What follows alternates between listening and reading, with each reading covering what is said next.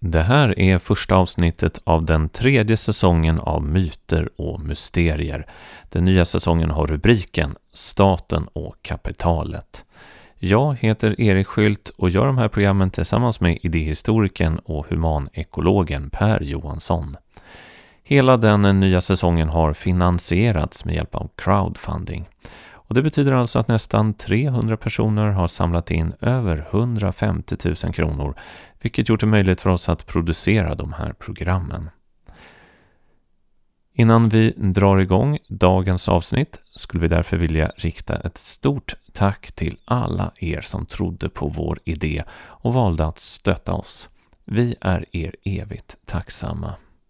Vi vill också passa på att rikta ett särskilt tack till Hans Bolin på Atlas Balans som tillhandahåller lösningar och maskiner för behandling av fascia på människor och djur. Och så vill vi tacka NAV Sweden, mötesplatser för hållbar samhällsutveckling, innovation och lärande.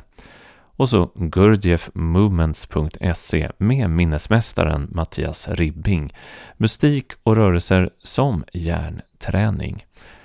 Återigen, stort tack till alla ni som stöttat oss. Men nu är det dags för dagens program i serien Myter och mysterier.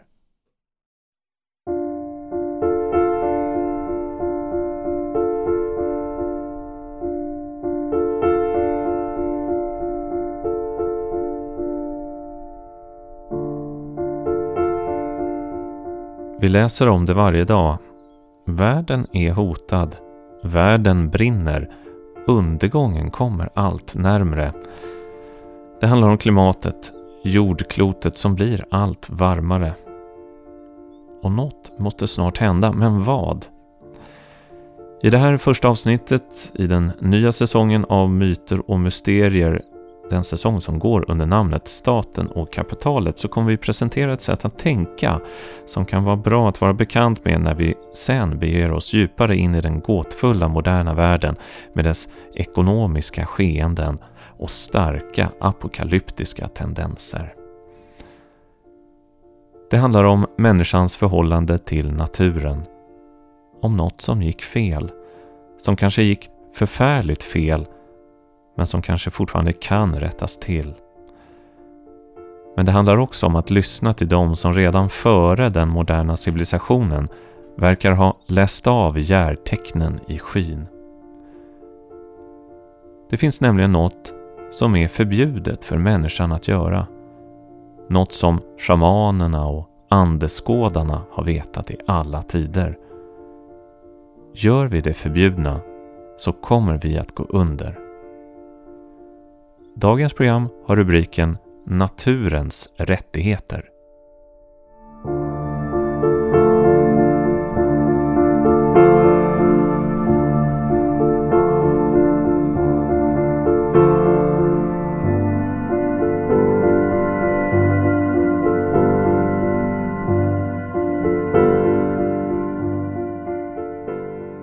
På sista tiden har jag funderat mycket på en idé som går under namnet Naturens rättigheter. Jag har känt till begreppet eller terminologin rätt så länge. Men jag, var, jag visste inte så mycket om det och jag hade inte satt mig in i det ordentligt. Och jag var också lite skeptisk på vissa vis. Jag förknippade med djurrättsaktivism och sådant. Och jag har inget principiellt emot djurrättsaktivism, det är inte det, utan det är snarare en, jag har ju uppfattat det som har egentligen en väldigt grundfilosofisk bas eh, som gjort den lite ointressant för mig. Och, och av någon anledning så uh, förknippar jag det då sen med naturens rättigheter. Sen för eh, drygt ett år sedan så träffade jag några människor på en konferens som jobbar väldigt aktivt för det här med naturens rättigheter i Sverige. Och pratade väldigt mycket med dem flera timmar. Och blev jätteintresserad för att när de förklarade för mig då hur, hur egentligen bakgrunden och vad det innebar. Och så insåg jag att, ja men vänta nu här. Hmm, det här är ju faktiskt väldigt pragmatiskt, kraftfullt å ena sidan. Men, vilket gjorde det intressant på riktigt för mig, också filosofiskt, metafysiskt närmast väldigt djupt förankrat på, på ett väldigt intressant sätt. Det blev, jag insåg att det här, fastän det har en pragmatisk sida som är en väldigt viktig, jag ska strax säga någonting om det, så har det en helt annan filosofisk bas, en helt annan uppfattning om verkligheten som grund än den som normalt styr juridiken i moderna samhällen. Om jag, om jag säger någonting kort först om, om, om, om det pragmatiska så kommer, det, kommer man snabbt att förstå hur, eh, eller varför det är, är så intressant som idé också. Om man tänker på det här rättighetsbegreppet i juridiken i allmänhet så gäller ju det människor och företag. Både människor och företag kan företrädas juridiskt i domstol som personer och behandlas därmed så som de har, att, att de har rättigheter. Precis, ett företag kan vara en juridisk person. Exakt. Det lärde jag mig när jag startade mitt aktiebolag. Det blev en person, ja. helt enkelt. Ja, mm. precis så. Ja. Och när man då eh, från juridisk synpunkt talar om naturens rättigheter rättigheter så betyder det att naturen i betydelsen djur, växter, floder, berg, skogar får samma juridiska status som ett företag eller för den delen en mänsklig person. Med andra ord, en flod till exempel skulle kunna företrädas i domstol och hävda sina rättigheter gentemot de som vill exploatera floden och kanske förorena och förstöra den på något sätt. Ja, just det. Så att när man vill bygga ett nytt eh, vattenkraftverk i någon av eh, Sveriges outbyggda eller outnyttjade älvar i norr. Då skulle då en advokat kunna komma in och företräda då älven. Ja, eller snarare skulle en person som... En, en människa som man kan säga representerar älven skulle kunna anlita en advokat för att försvara älvens rättigheter så som representerad av denna människa då. Mm. Eh, för floden själv pratar ju inte på ett för mänskligt människor begripligt sätt, vilket inte hindrar att floden på sitt sätt pratar i och för sig. Mm. Eh, det kan vi komma in på sen. Ja. eh, floden som, som person så att säga. Men, mm. men Eh, det, här, det här är ju intressant då för att om man, om, man, om man lyckas få in det här i faktisk lagstiftning så öppnas ju en möjlighet att värna just naturens rättigheter på en oerhört kraftfull bas. Till skill och det, det är också en väldigt intressant skillnad gentemot det, den vanliga miljölagstiftningen. Man skulle kunna tro att, att den vanliga miljölagstiftningen är till för att skydda naturen. I själva verket är den till för att reglera exploateringen av naturen. Miljölagstiftningen talar inte om, säger ingenting om varför någonting ska skyddas. Den talar om varför någonting inte ska förstöras. Vilket är egentligen två helt olika utgångspunkter. Så utgångspunkten för miljölagstiftningen är att normaltillståndet är att människan eller olika ekonomiska intressen exploaterar naturen. Naturen är eh, domän för resursutnyttjande helt enkelt. Och det är, så, det är så vi är vana att se på det. Kol, vattenkraft, olja, eh, skog, skogar. Liksom, allting är liksom till för, för något, något, något ekonomiskt intresse. Eh, så naturen är egendom. Och miljölagstiftningen reglerar då det på det sättet att den sätter upp vissa gränser för hur den här egendomen ska kunna och få utnyttjas. Ibland så gör man starkare så kallat skydd då, till exempel i form av nationalparker. Som talar om att här får man inte ekonomiskt utnyttja de naturresurser som finns inom de här gränserna. Men det är i princip då underförstått helt okej okay att utnyttja det utanför den gränsen. Så på det sättet så, så sätter ju en nationalparksgräns upp inte så mycket ett skydd för det som finns innanför som en, en mur mot det, den exploatering som så att säga självklart pågår utanför. Och det här, den, den typen av tänk, juridiskt tänkesätt sen har ju en filosofisk bas som, som har att göra med att eh, eh, men just egentligen ägande. Förhållanden faktiskt. Och, och, och, att ta sig rätten att göra någonting för att man gör anspråk på det helt enkelt själv. Eh, och det förutsätter också ännu djupare en tudelning mellan människa och natur. Mm. Men är det här som en, alltså det här med naturens rättigheter, är det en typ av filosofisk eh, lek eller finns det någonting konkret i det? Alltså, eh, skulle det gå att, jag menar, det skulle bli väldigt krångligt tänker jag om, om varje djur skulle ha den här typen av rättighet. För att ta bara ett slakteri då, där varje gris skulle då på något sätt företrädas inför dess egen död. Ja, nu, nu, nu kommer du in på, på det som djurrätt eh, handlar om. Alltså djur, eh, föreställningen om djurens rättigheter. Som ju på sätt och vis skulle kunna vara en delmängd, eller vad jag ska kalla det, av naturens rättigheter. Men när man, naturens rättigheter nu då juridiskt sett har en mycket vidare innebörd än att skydda de enskilda ja. djuren. Det handlar snarare om att skydda hela ekosystem. Eh, eller enskilda väldigt... Eh, eller egentligen är inte... På sätt och vis försade jag mig nu i den gamla andan. Va? För att det handlar inte då om att skydda naturen utan det handlar om att värna just naturens rättigheter. Och det är två olika idéer. Mm. Och, och det här får ju...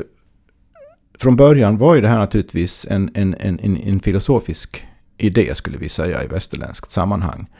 Eh, men den har, har fått sig faktiska, konkreta eh, juridiska uttryck eh, för det här, vid det här laget. Den första, första stat i världen som skrev in naturens rättigheter i sin grundlag var Ecuador. Jaha. Och när någonting är inskrivet i grundlagen så får det plötsligt bett, mm. kan man säga. Mm.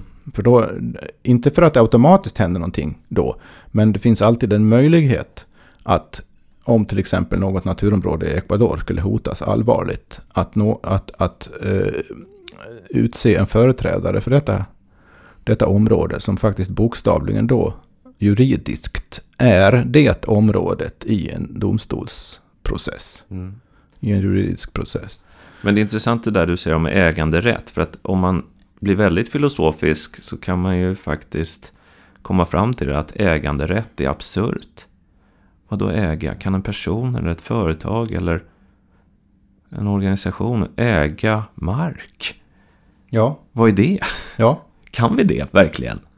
Nej, det, det förutsätter ju att mark är en sak och, och, och ägaren är en annan sak. Ja. Det vill säga människan som äger, äger den så kallade marken, eller den delen av den så kallade naturen, är, är, är en sak. Medan, medan det som ägs är någonting annat. Det är ju inte så att det finns någon liksom intim Nej. relation mellan människan och naturen. Precis, ingen fallet. ömsesidighet. Ingen ömsesidighet Nej. alls, utan det, det, är en, egentligen en, en, en eh, herre-slav-relation. Precis, jag tänkte på det. Det är precis som i ett gammalt så, eh, samhälle där slaveri är tillåtet.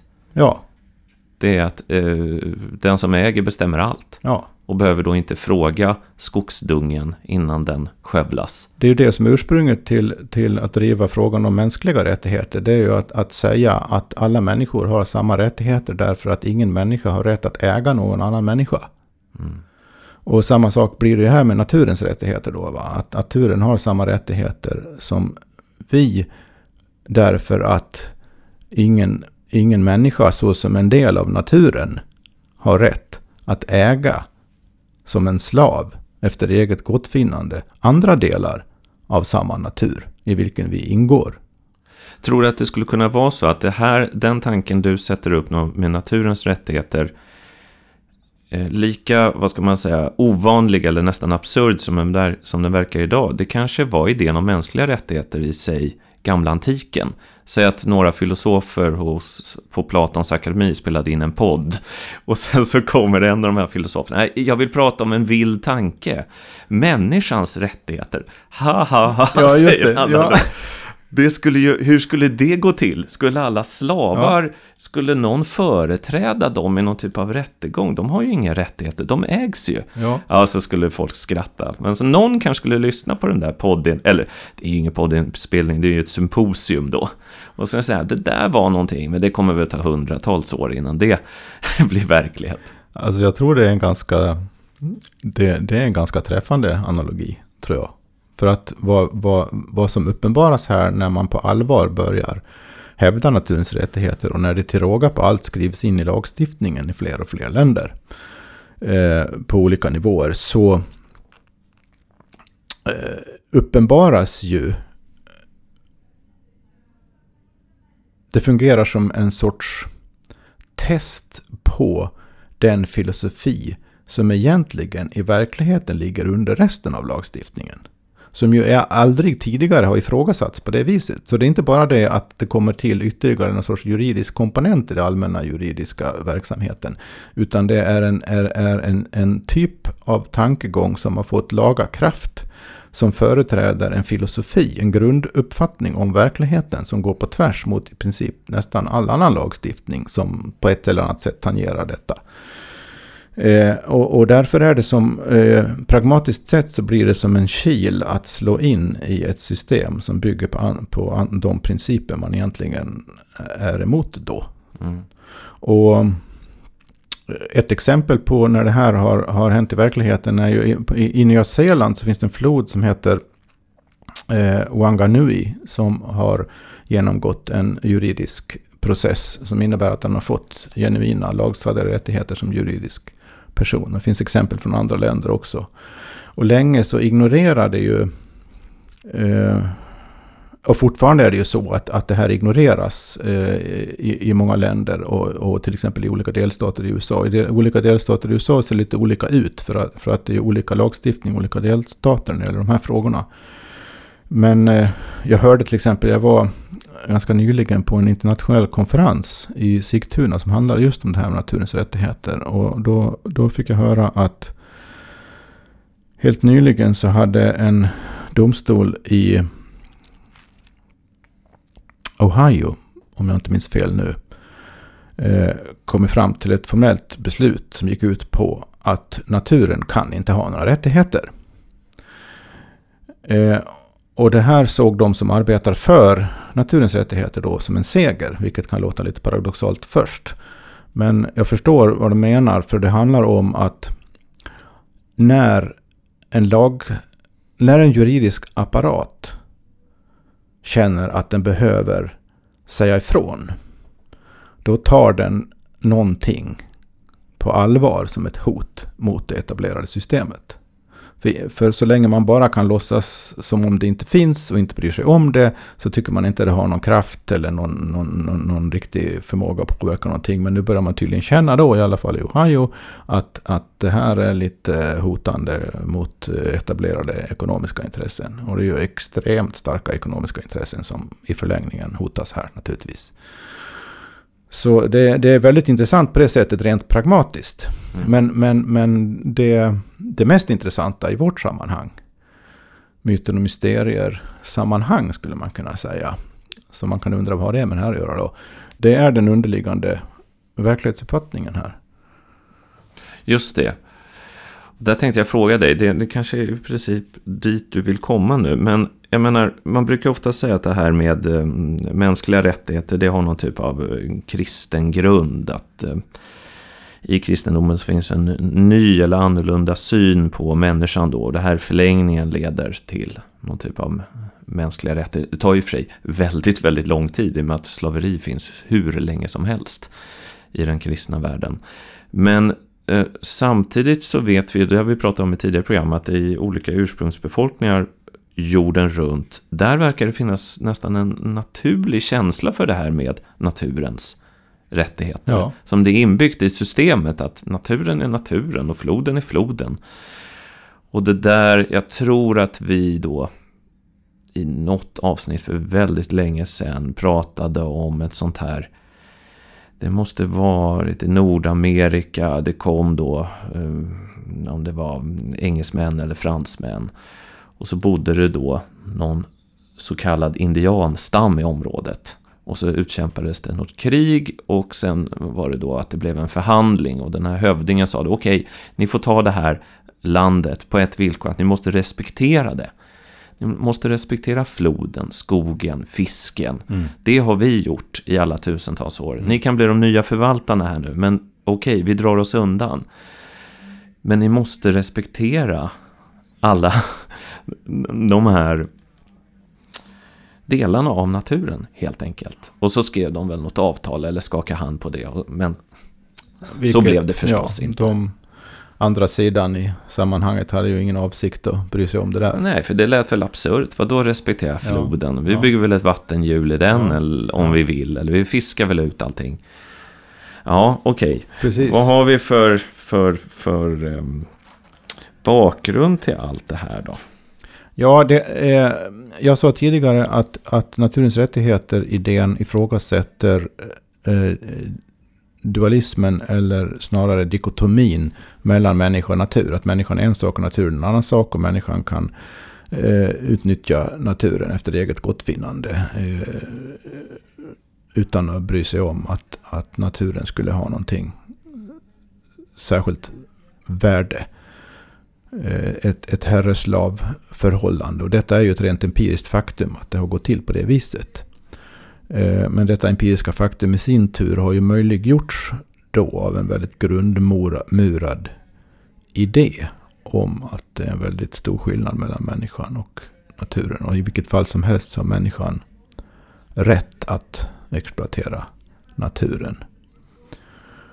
Och det finns ju en, en, en utsaga i början av Gamla Testamentet också som säger att människan är herre över naturen, djuren och växterna och allt annat.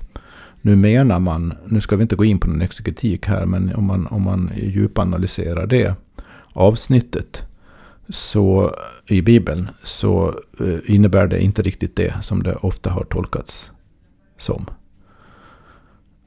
Att människan är herre över naturen, att det skulle innebära att människan får göra vad hon vill efter någon sorts egocentriskt eller egoistiskt syfte. Det innebär snarare det du var inne på nyss. Att människan är en ansvar, måste vara, är per definition såsom människa en ansvarsfull förvaltare av resten av skapelsen. Alltså en del av skapelsen naturligtvis. Vilket också ingår i den bibliska tanken. Ju. Nu ska vi inte uppehålla oss där. Men, men, men det, det är intressant för att man brukar ofta ta just det också som utgångspunkt för att hävda att felet med hittillsvarande sätt att se på naturen är att vi har en alldeles för antropocentrisk världsbild.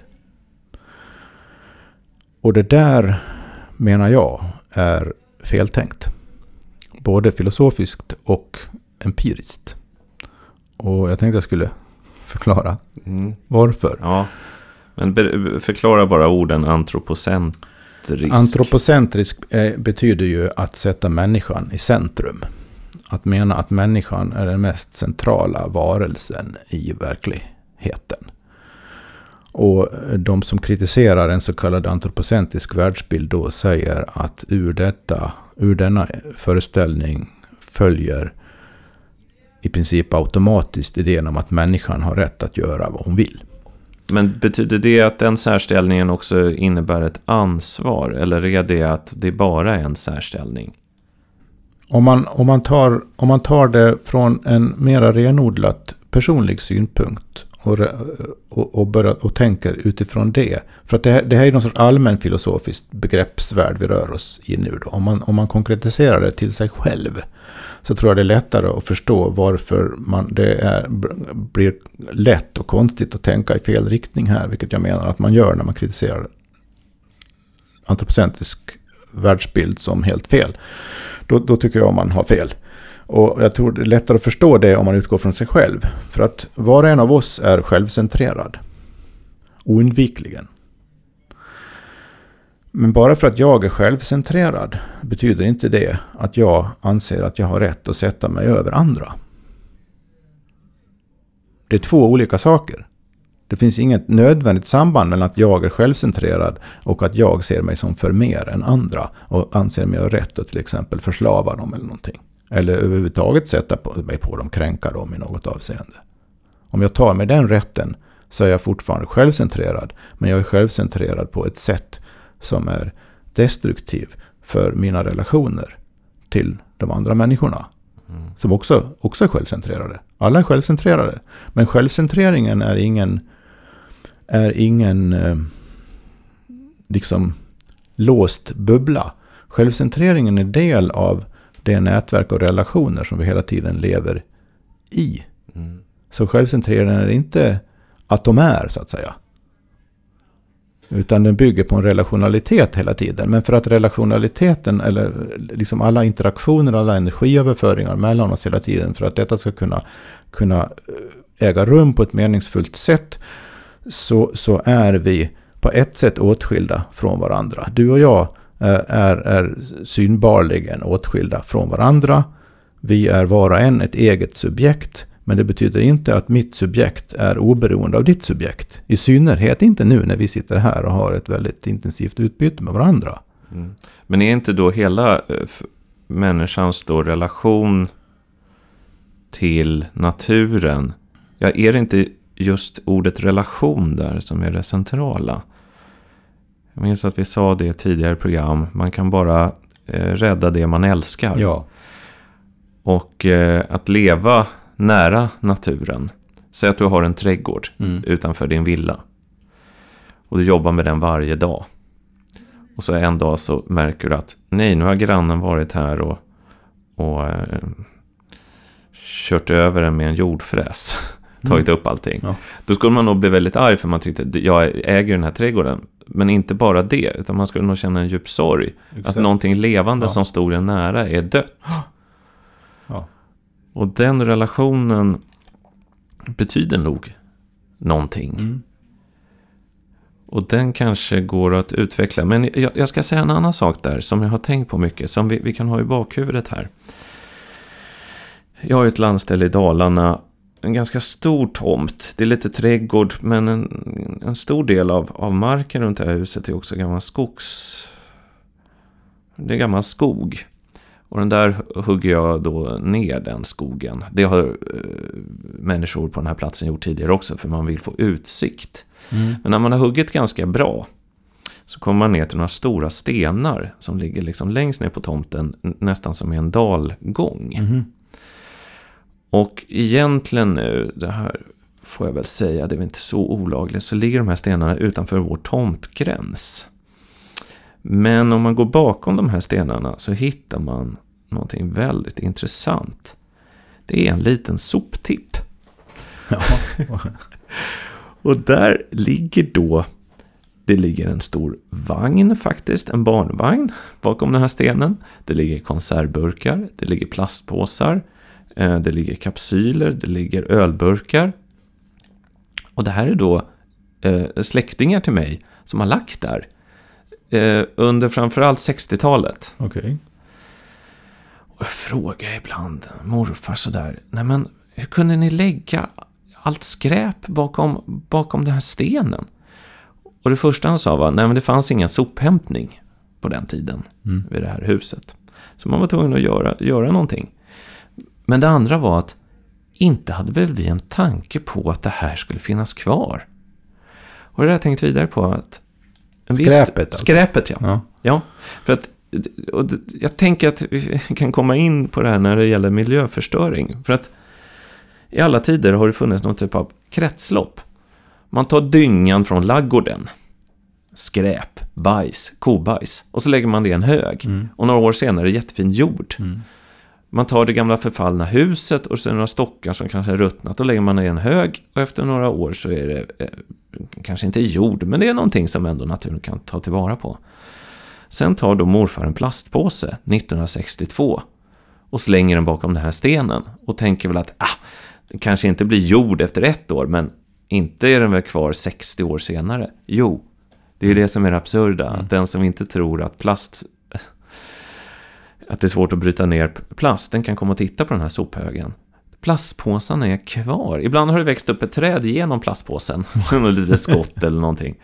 Och på, på konservburkarna kan man fortfarande läsa vad de åt då till middag på 60-talet. Mm. Sill, norsk sill.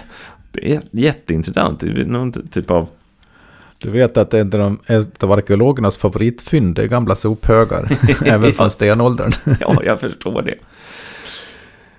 Men så att jag, jag vill inte klanka på mina äldre familjemedlemmar här. Eh, jag tror att det bara var en idé om att kretsloppet var intakt. Att man lägger det bakom den här stenen och efter ett tag försvinner det. För att så har det varit i alla tider. Men, men just, ja, men, och just det, jag sa det här med arkeologernas favoritfynd sist, nyss.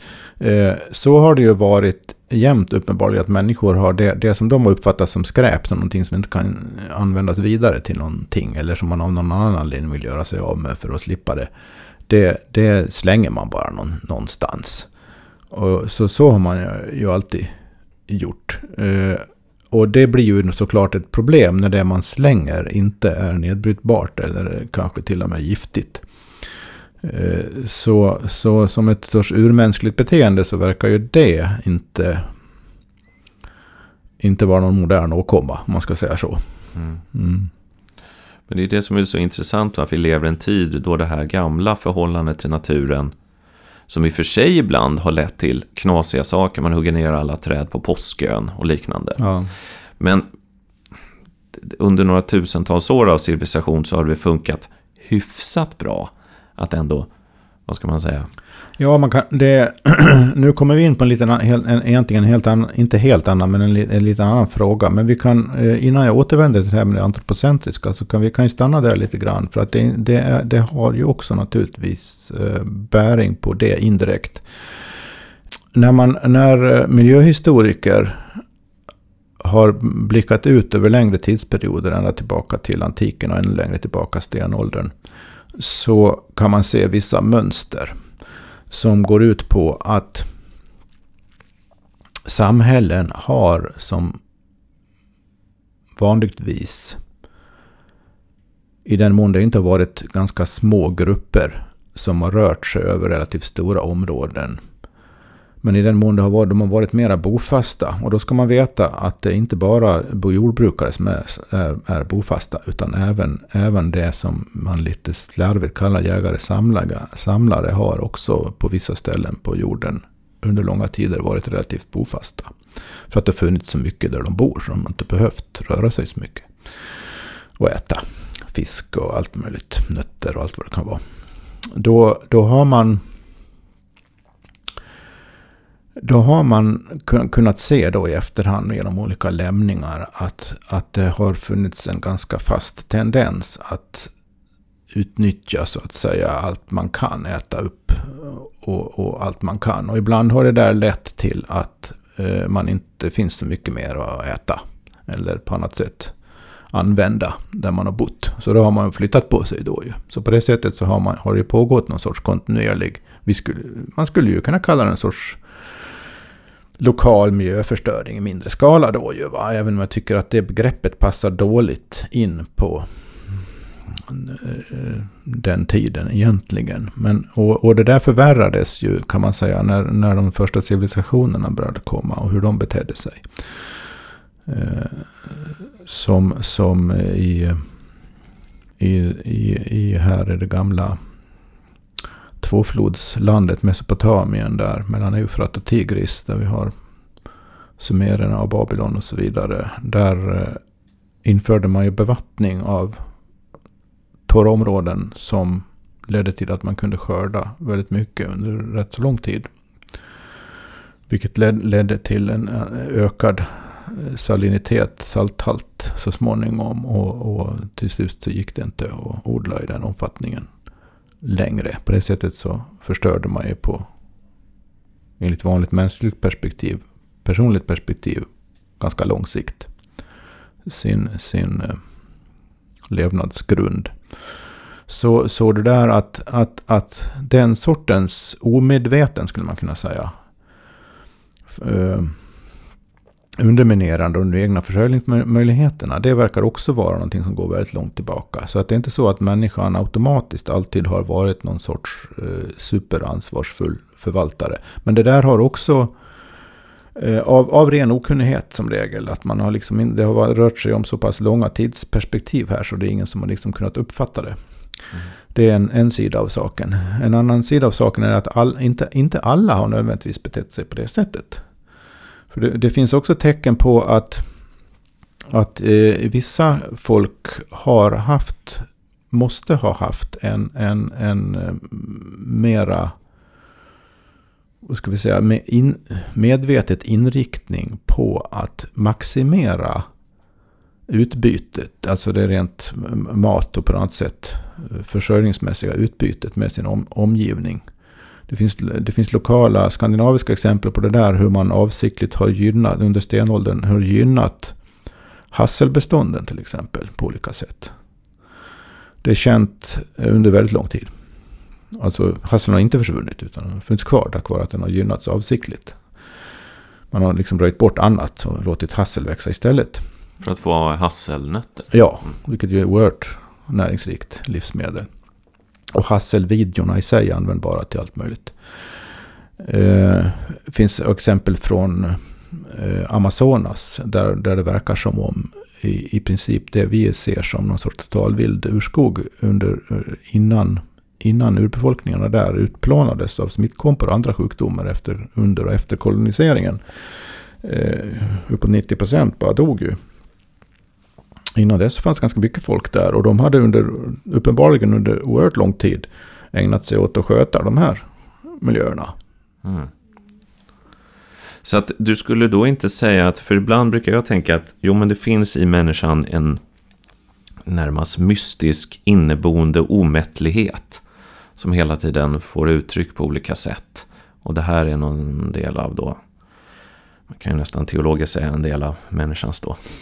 Det här är väl arvsynden, en del av det helt ja, enkelt. Ja, man skulle kunna leka med den, med, ja. med den tanken. Och, och vad, vad, i så fall om vi, om vi håller fast vid den där förvaltartanken, att, att liksom ta hand om sin omgivning, för sin, inte bara för omgivningens skull, utan för sin egen skull, eftersom man själv och omgivningen egentligen är två sidor av samma sak och inte går att skilja åt. Ja. Så innebär ju förvaltartanken att man kan vara en god eller en dålig förvaltare. Ja. Och det finns många empiriska eh, exempel på att människor i olika, många, i olika tider, inte bara nu, har varit dåliga förvaltare. Mm. Men det finns också exempel på människor som har varit do, goda förvaltare. Så uppenbarligen så finns det en möjlighet att så att säga vara mer eller mindre klok eller mer eller mindre korkad här. Eftersom det är en oundviklig ömsesidighet mellan människan och omgivningen. Ja.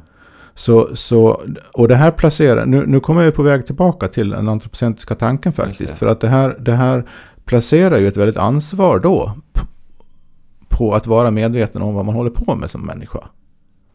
Så, så, så, och, och därför blir det ju, är det ju inte oviktigt då att människan faktiskt ser sig som centralt ansvarig i sin värld. Så om man, om man då kritiserar den antropocentriska uppfattningen så kritiserar man egentligen implicit tanken att människan skulle kunna faktiskt verkligen på riktigt ha det ansvaret. Mm. Men om man tittar på vår samtid just nu så måste man väl säga att det här ansvaret över naturen inte riktigt eh, sköts på bästa sätt. Nej, det för att uttrycka sig milt. milt ja, ja. Nej, det är ju katastrofalt uselt. Ja. Det är ju rent totalt eländigt. Det är ju så oansvarigt så man, man, man blir inte bara arg och upprörd utan nästan sjuk av att tänka på det. Ja. Så, så i vår, i vår så, så kallade civilisation är det, är, är, är, är det ju under all kritik. Det, det är något allvarligt fel, bokstavligt talat, på, på vår civilisation. Och, och, och om, man, om man förknippar or, ut, begreppet antropocentrisk med vår civilisation så finns det ju alla anledningar att kritisera den sortens antropocentricitet som går ut på att göra just den här radikala åtskillnaden mellan människan och naturen. Vilket innebär att människan kan, kan bete sig hur som helst. Och det ser vi ju nu att vi, det kan vi ju inte. Det slår ju tillbaka på oss själva. Och det, det slår tillbaka på oss själva därför att människan och hennes omgivning är bokstavligen på riktigt två sidor av samma sak. Så förstör vi vår omgivning förstör vi oss själva. Men för att kunna förstöra vår omgivning och därmed oss själva på det här sättet så måste vi ju faktiskt någon gång ha börjat förstöra oss själva först. Aha. Mm. Nu börjar det bli intressant här. För är det inte det vi har pratat om i många av programmen i serien Människan och Maskinen? Jo. Bakgrunden till hur vi har kommit, hamnat i den sitsen att vi blivit kapabla att förstöra oss själva till den milda grad. Att vi inte kan låta bli att förstöra vår omgivning också på kuppen. Okej, ja. Hur har det kunnat bli så här då? Ja, nu, nu, det, det, ska vi nog inte gå in på nu, men alltså den, den som, den som vi, vi har ju faktiskt pratat om, om, om just det. Hur, hur vi har hamnat i den här dualistiska ja. vanföreställningen i ganska många program. Mm. Direkt och indirekt. Eh, så det kan man, ju, kan man ju lyssna på om man har lust. Eh, vi kan, vi kan, mm, det är möjligt att det finns anledning att återvända till, till det temat senare i den här serien också, det tror jag. Men, eh, eller det är jag säker på rättare sagt, fast på lite andra grunder än tidigare. Jag skulle vilja säga något mer om ursprungsfolken här. På den här konferensen jag var på som jag nämnde. Den var oerhört givande.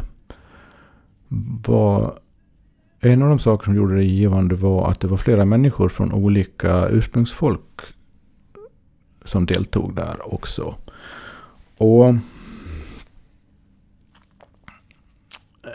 det, var, det är ingen slump att människor från sådana folk dyker upp i samband med naturens rättigheter. För att hela tänkesättet bakom naturens rättigheter-idén är ju filosofiskt sett, om jag använder den här moderna termen nu då, eh, mer eller mindre identisk med hur ursprungsfolk som regel har sett och ser på, på sin relation till sin omgivning.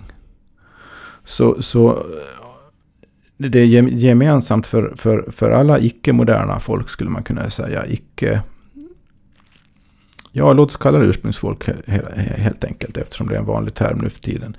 Eh, I, i de traditionerna så gör man verkligen ingen skarp skillnad mellan människa och, och natur. Och de laborerar egentligen inte med de begreppen överhuvudtaget. Det är ju moderna västerländska begrepp det här, människan och naturen. Som om det var liksom, det, den sortens begreppsbildning finns inte i, i, i, i de här andra tankevärldarna. Så vad, vad de gör är att betrakta allting, eller nästan allting, som personer. Allt som finns i det som vi kallar naturen är för dem också personer, precis som vi är personer. Så om man, om, man då, om man då nu i vårt sammanhang framför en idé om naturens rättigheter som innebär att naturen i en eller annan form kan företrädas som person juridiskt, så är det för ursprungsfolkens sätt att tänka inte någon konstig idé alls, utan en total självklarhet. Va? Menar ni att det skulle kunna vara på något annat sätt? Mm. Så det, det, är ju lätt att se varför en, en, en, en, sån, syn, en sån syn är relevant liksom för, för talet om naturens rättigheter. Men apropå det här med det antropocentriska. Så eh, är det en sak man lätt glömmer bort. För att eh, eh i princip alla ursprungsfolk är också antropocentriska. Ja, jo, det är det här då som, som, som jag behöver få in i huvudet, att det inte är någon motsättning. Att vara antropocentrisk och på något sätt sätta då människan i centrum leder samtidigt till att man har en intimare relation till naturen. Det kan det mycket väl göra, ja. ja. Mm. Så därför menar jag ska man inte kritisera det. Nej. Utan förstå vad den antropocentriska positionen egentligen innebär. Ja. Och att man, man kan ha man, som människa har man den positionen, vare sig man vill eller inte. Ja. Och hur man hanterar den positionen är avgörande, inte att man har den. Nej. Men har, skulle du bara, för att reda ut begreppen här, är det här människans perspektiv att vara antropocentrisk? Alltså, skulle man säga, det, i och med att vi ofta tar fram bäven då som ett roligt, ja. en rolig symbol ja. för djuren. Är bävens värld bäverocentrisk? Ja, det är den ju naturligtvis. Ja. Mm. Men antropocentrisk här betyder eh, något mer än bävrocentrisk. ja, okay. ja, ja. Eh, precis. Betyder det lite mer som då i Gamla Testamentet att människan har en uppgift eller en särställning i skapelsen? Ja, man skulle kunna säga att eh, man ser det nu då i äldre traditioner här som en graderad skala. Ja. Eh, jag kan ta några faktiska exempel på olika ursprungsfolk. Två stycken tänkte jag ta som exempel. Det första är Koyukon-folket i Alaska. Som å ena sidan ser människan och djuren som väldigt lika varelser. Och det här beror inte på att människan också är ett djur. Utan på att djuren också är människor. Aha. ja. Mm. Mm, det är en lite rolig vändning. Mm.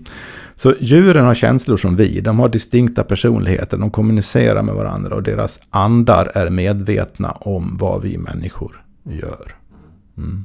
De blir lätt kränkta om vi inte uppför oss respektfullt.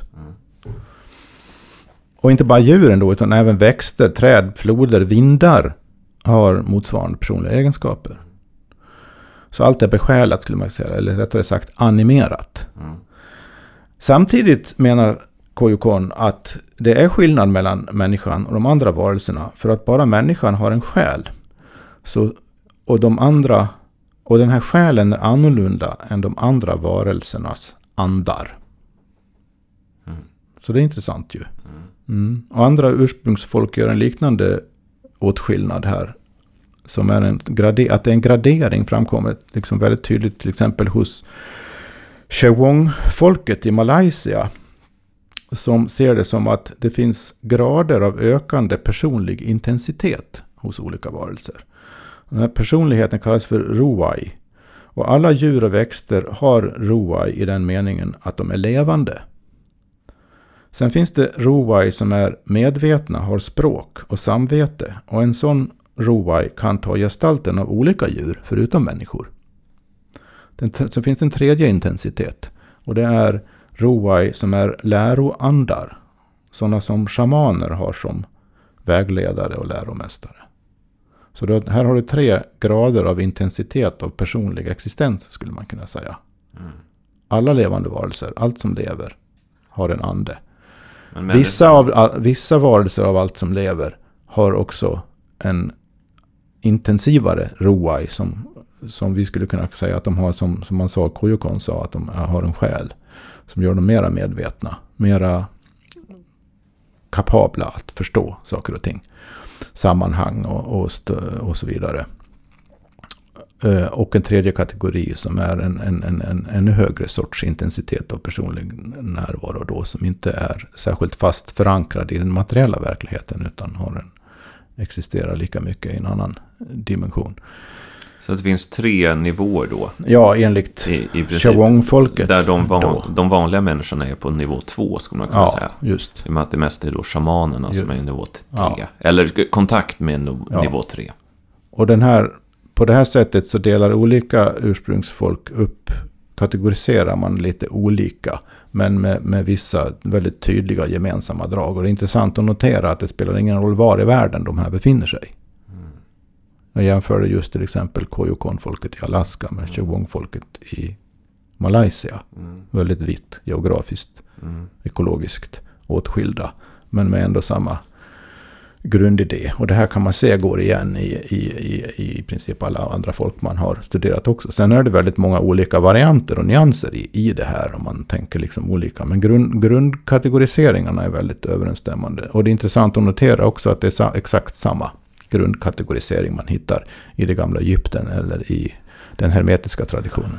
Okej.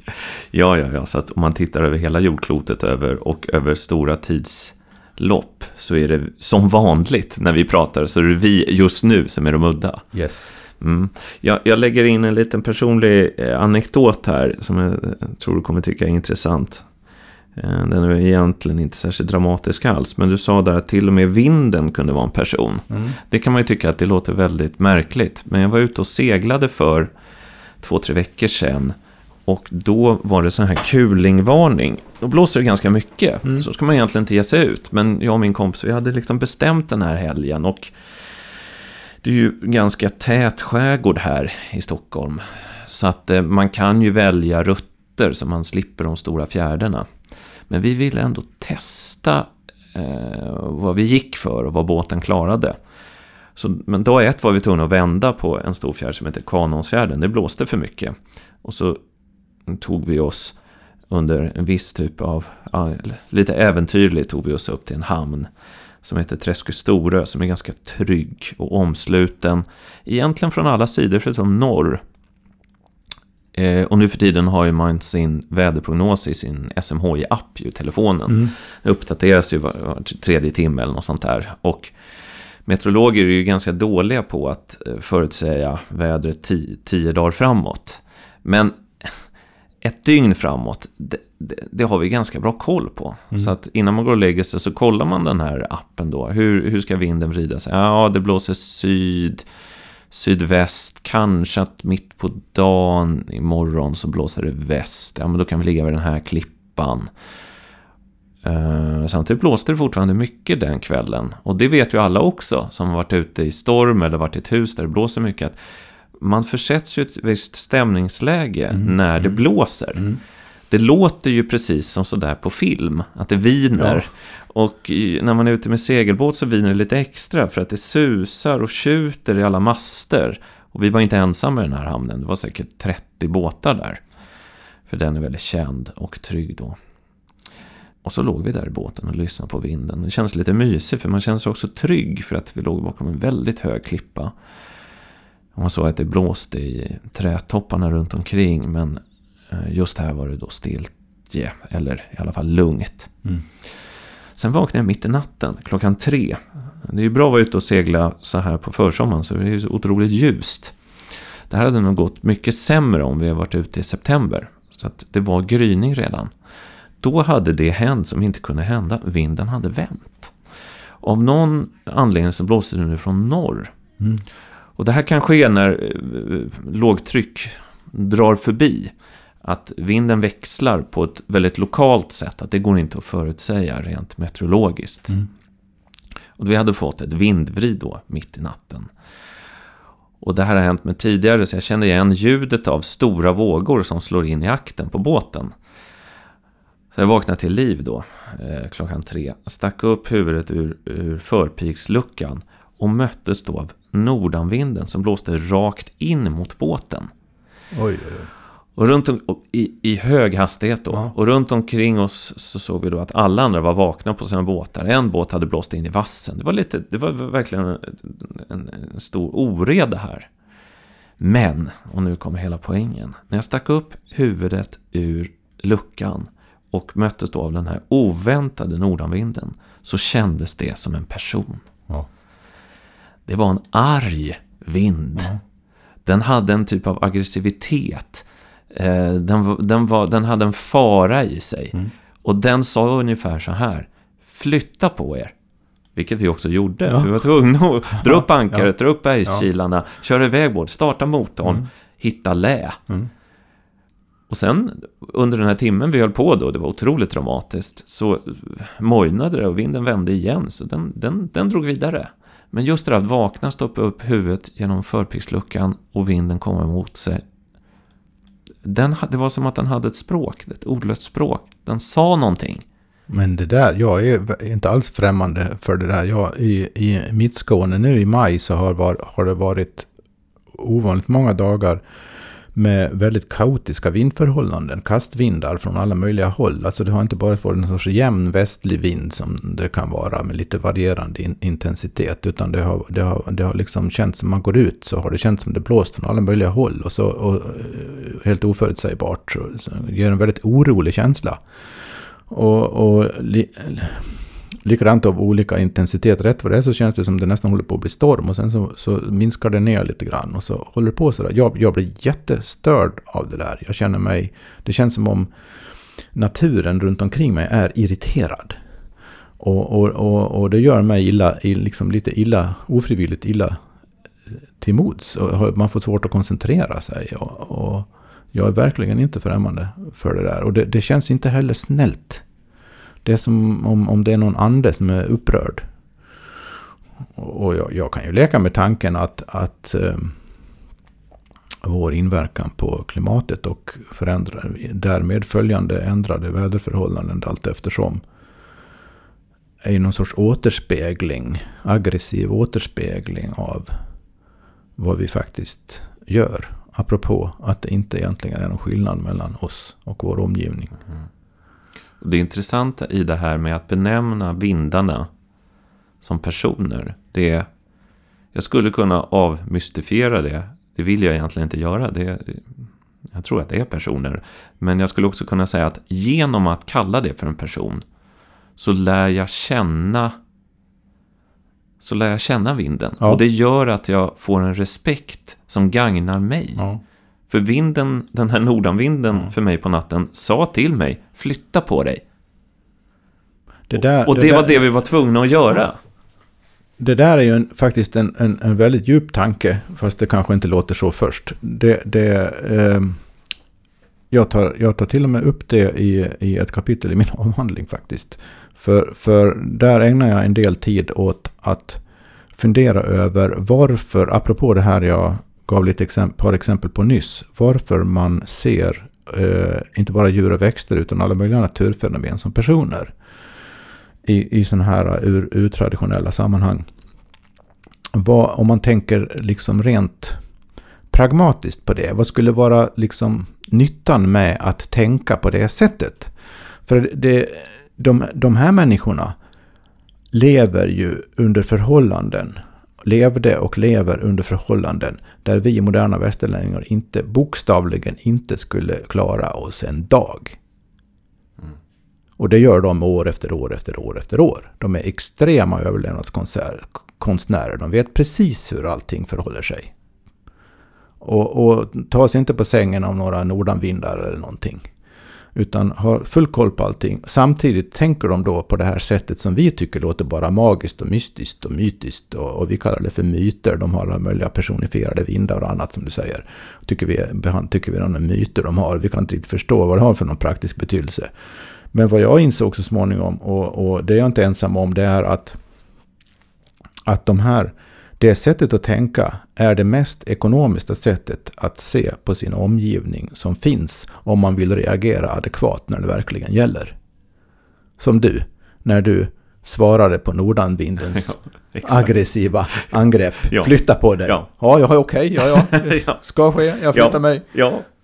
Och, och, och så, så, om man detaljstuderar alla de här föreställningarna väldigt detaljerat och konkret som, som olika kulturantropologer och andra har gjort och jämför det med hur de här faktiskt, folken faktiskt eh, eh, lever och agerar i olika situationer så är det uppenbart att, att det är ett, ett väldigt ekonomiskt sätt att, att eh, relatera till omgivningen. Och det här skulle man ju då som modern västerlänning kunna, kunna tänka på i termer av att just så. Att det är det det är. Och det är den så att säga, kognitiva funktionen av det här sättet att tänka. Och då har man liksom på något sätt distanserat sig från möjligheten att det skulle kunna ligga någonting riktigt i alltihopa.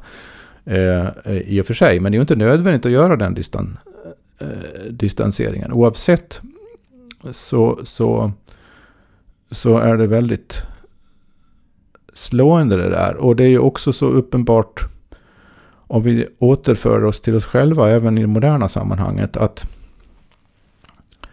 att om vi ser på varandra i de här termerna, om vi relaterar till varandra som djupt kännande, sorgsna, glada personer så har vi ett helt annat förhållande till varandra än om vi relaterar till varandra som objekt för varandra. Arbetsgivare, arbetstagare och så vidare slav, herre, ägare, icke-ägare. Det är ju jättemycket som är inbyggt i våra civilisatoriska system som bygger på att vi inte relaterar till varandra som personer överhuvudtaget. Mm. Bara som objekt. Mm. Inte bara för, för systemen som vi säger, utan för varann. Mm. Samtidigt så finns det ju i att känna av andra människor så finns det ju en eh, jag ska inte kalla det överlevnadsinstinkt, utan vad sa du, något ekonomiskt. Det vill Ja. säga att det, det är bra för en praktiskt. Ja, Ta till exempel det här, jag vet inte hur det är för dig, men jag är ju en ganska klen typ. Jag kan inte vara i slagsmål. Jag har inte riktigt tillgång till min aggressivitet. Det är i sig själv ett problem. Men det gör att jag är ganska lyhörd för andras aggressivitet. Mm. Och jag påstår ju då att jag kan känna om jag sitter på en bar så kan jag utan att vända mig om nästan känna om det sitter en aggressiv människa. Mm. Det känns i Mm. luften. Mm. Det kan förstås vara små, små signaler som man är otroligt bra på att, på att eh, fånga upp. Men det är ju att man får en relation till sådana människor som bär på mycket aggressivitet. För att man måste skydda sig. ja. Man blir vaksam. ja. Man vill ha koll. Och för mig händer, jag träffar inte så många aggressiva människor, men i en sån här barmiljö, liksom, de, de dyker upp ibland. Och då känner man det i kroppen. Mm. Det känns. Mm. Jag behöver knappt se dem. Mm. Och ser jag deras blick så vet jag direkt att det är en aggressiv person. Det, det läser jag på en sekund. Men på samma sätt känner du ju av personer som är, har en, en stark eh, glädjefylld utstrålning Ja, till exempel. Eller in, är, är Ja. inspirerande på något sätt. Ja, och det, att känna av omgivningen på det sättet, det, det, det, det vet vi i varierande grad att vi gör när det gäller andra människor. Ja, Vare sig vi vill eller inte. Ja. Vare sig vi försöker mm, låtsas om det eller inte. Eh, därför är steget väldigt, väldigt kort till att, till att överföra den oundvikliga insikten och realiteten till resten av världen. Djuren, växterna. Det finns ingenting som i princip skulle hindra oss från att ha exakt samma sensibilitet i förhållande till blåsippor, bävrar och annat.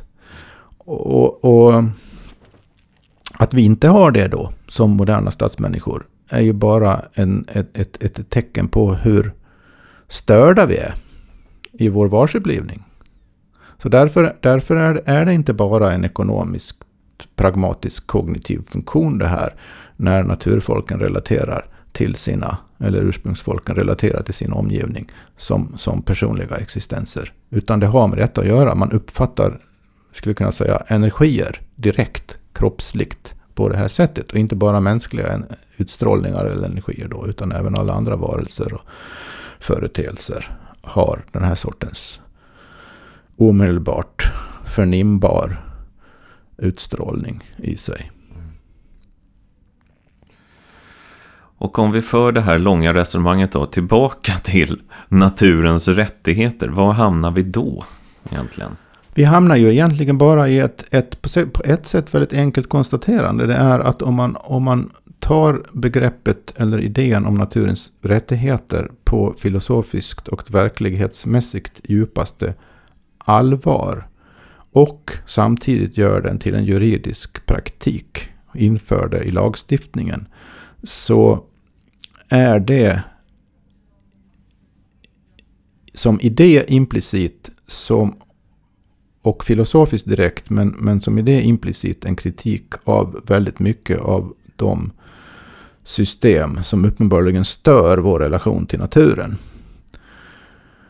Det är också en, en praktisk kil in i ett juridiskt maskineri som hittills har byggt på helt, en helt annan verklighetsuppfattning. En falsk verklighetsuppfattning. Så eh, det, det är med andra ord en, en av de i sig intressantaste eh, rörelserna när det gäller att komma åt det fler och fler uppfattar som en allvarlig, eller flera allvarliga globala kriser som vi utsätter oss själva för.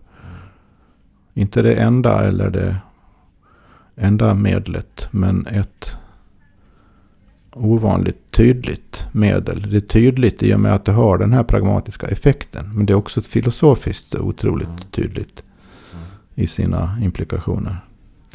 Jag tänker att eh, det vi har pratat om idag är som någon typ av introduktionsavsnitt. Mm. En läsanvisning eller ett första steg in i den värld som vi ska ta oss an. Som både kommer bli väldigt konkret och också väldigt mystisk. Men jag tänkte avsluta på det mystiska sättet. En sak som både slog mig nu när du berättar men som faktiskt eh, levde kvar i mig länge när jag fick reda på det här. Jag såg en, en dokumentärfilm som gick på SVT under våren. Möjligt att, jag vet inte, jag vet inte om du såg den också. Det handlade om människor som letade efter mammutar, alltså döda mammutar i permafrosten i Jaha, Sibirien. Ja. Ja.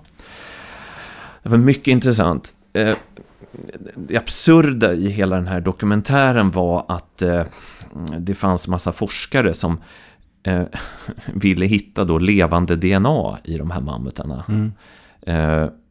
Som de sen skulle använda för att återuppliva mammuten. Och det lades ganska stora resurser på det här. Framförallt i, i Kina då. Och då kändes det absurt samtidigt som man vet hur många djur som dör ut just nu. Som Ja. ingen verkar skydda. Ja. Eh, Men det här med mammuten, att den ska väckas till liv. Det, det, det var då eh, fascinerande och högprioriterat. Men i det som de letade efter var ju då mammutbetar förstås. Som låg då i, i, i jorden. Mm. Och eh, det var väldigt, väldigt eh, fattiga människor som var ute på de här långa, långa ex exkursionerna för att hitta de här mammutbetarna. Och hittar man en riktigt stor bete, då kunde de leva nästan ett år på den. Det var väldigt värdefull då. Mm. Samtidigt som de här mammutbetsjägarna blev lurade, för den som såld, sålde sen beten vidare tjänade tio gånger mer, eller hundra gånger mer. Som vanligt. Som vanligt. Det var ju en fascinerande berättelse om att det finns så många mammutar som ligger nere i någon slags eh, permafrost. Alltså, helt absurt. Man hittar ju eh, mammutar hela tiden, så hela mammutar. Ja, ja. Med, med liksom snaben och håret kvar och svansen. Och det var inte med blod i de här mammutarna. Det är ju mycket mystik. Djupfrysta mammutar. Djupfrysta mammutar. Mycket mystiskt. Men det var inte det jag skulle komma till. Utan det mest fascinerande var att det var ju då olika eh, folk från ursprungsbefolkning i det här då norra, norra Sibirien som höll på med det här. Vad sa deras gamla lära om att gå ut och leta mammutbetar? De sa så här. Man får inte gräva i jorden. Det är förbjudet. Jorden tillhör dödsriket. Och eh, även mammuten var ett heligt djur. Så att gräva efter en mammut i jorden, det var otroligt förbjudet. Och det här plågade de här männen då som höll på med det. Så att de var tvungna att göra långa ritualer för att hedra då mammuten när de hittade den och grävde upp den. Men de sa att det är fel att gräva i jorden. Det innebär, det, det, det drar olycka över oss att göra det. Det får man inte göra. Vet du vad jag fick för association nu? Att gräva i jorden, det ska man inte göra. För då grä- gräver man sig ner i dödsriket. Vad är det man gör när man gräver sig ner i jorden och pumpar upp svart olja? Det var precis det jag tänkte på. Då släpper man dö- lös dödsriket. Mm. Så är det. Det får vi, det får vi ta nästan ta och göra ett alldeles eget program om tror jag. För vi vet också från Sagan om ringen, dvärgarna i eh, Morias gruva. Mm. Vad var det de gjorde egentligen? De grävde för djupt Just. och väckte den här Ballrogen. ballrogen. Som låg där och sov Mm. långt ner under bergen. Och eh, den här berättelsen finns ju på många platser över jorden. Det är förbjudet Mm. att gräva i jorden. Mm. Men det har vi gjort. Du har hört ett avsnitt i serien Myter och mysterier. Det här programmet är finansierat med hjälp av crowdfunding.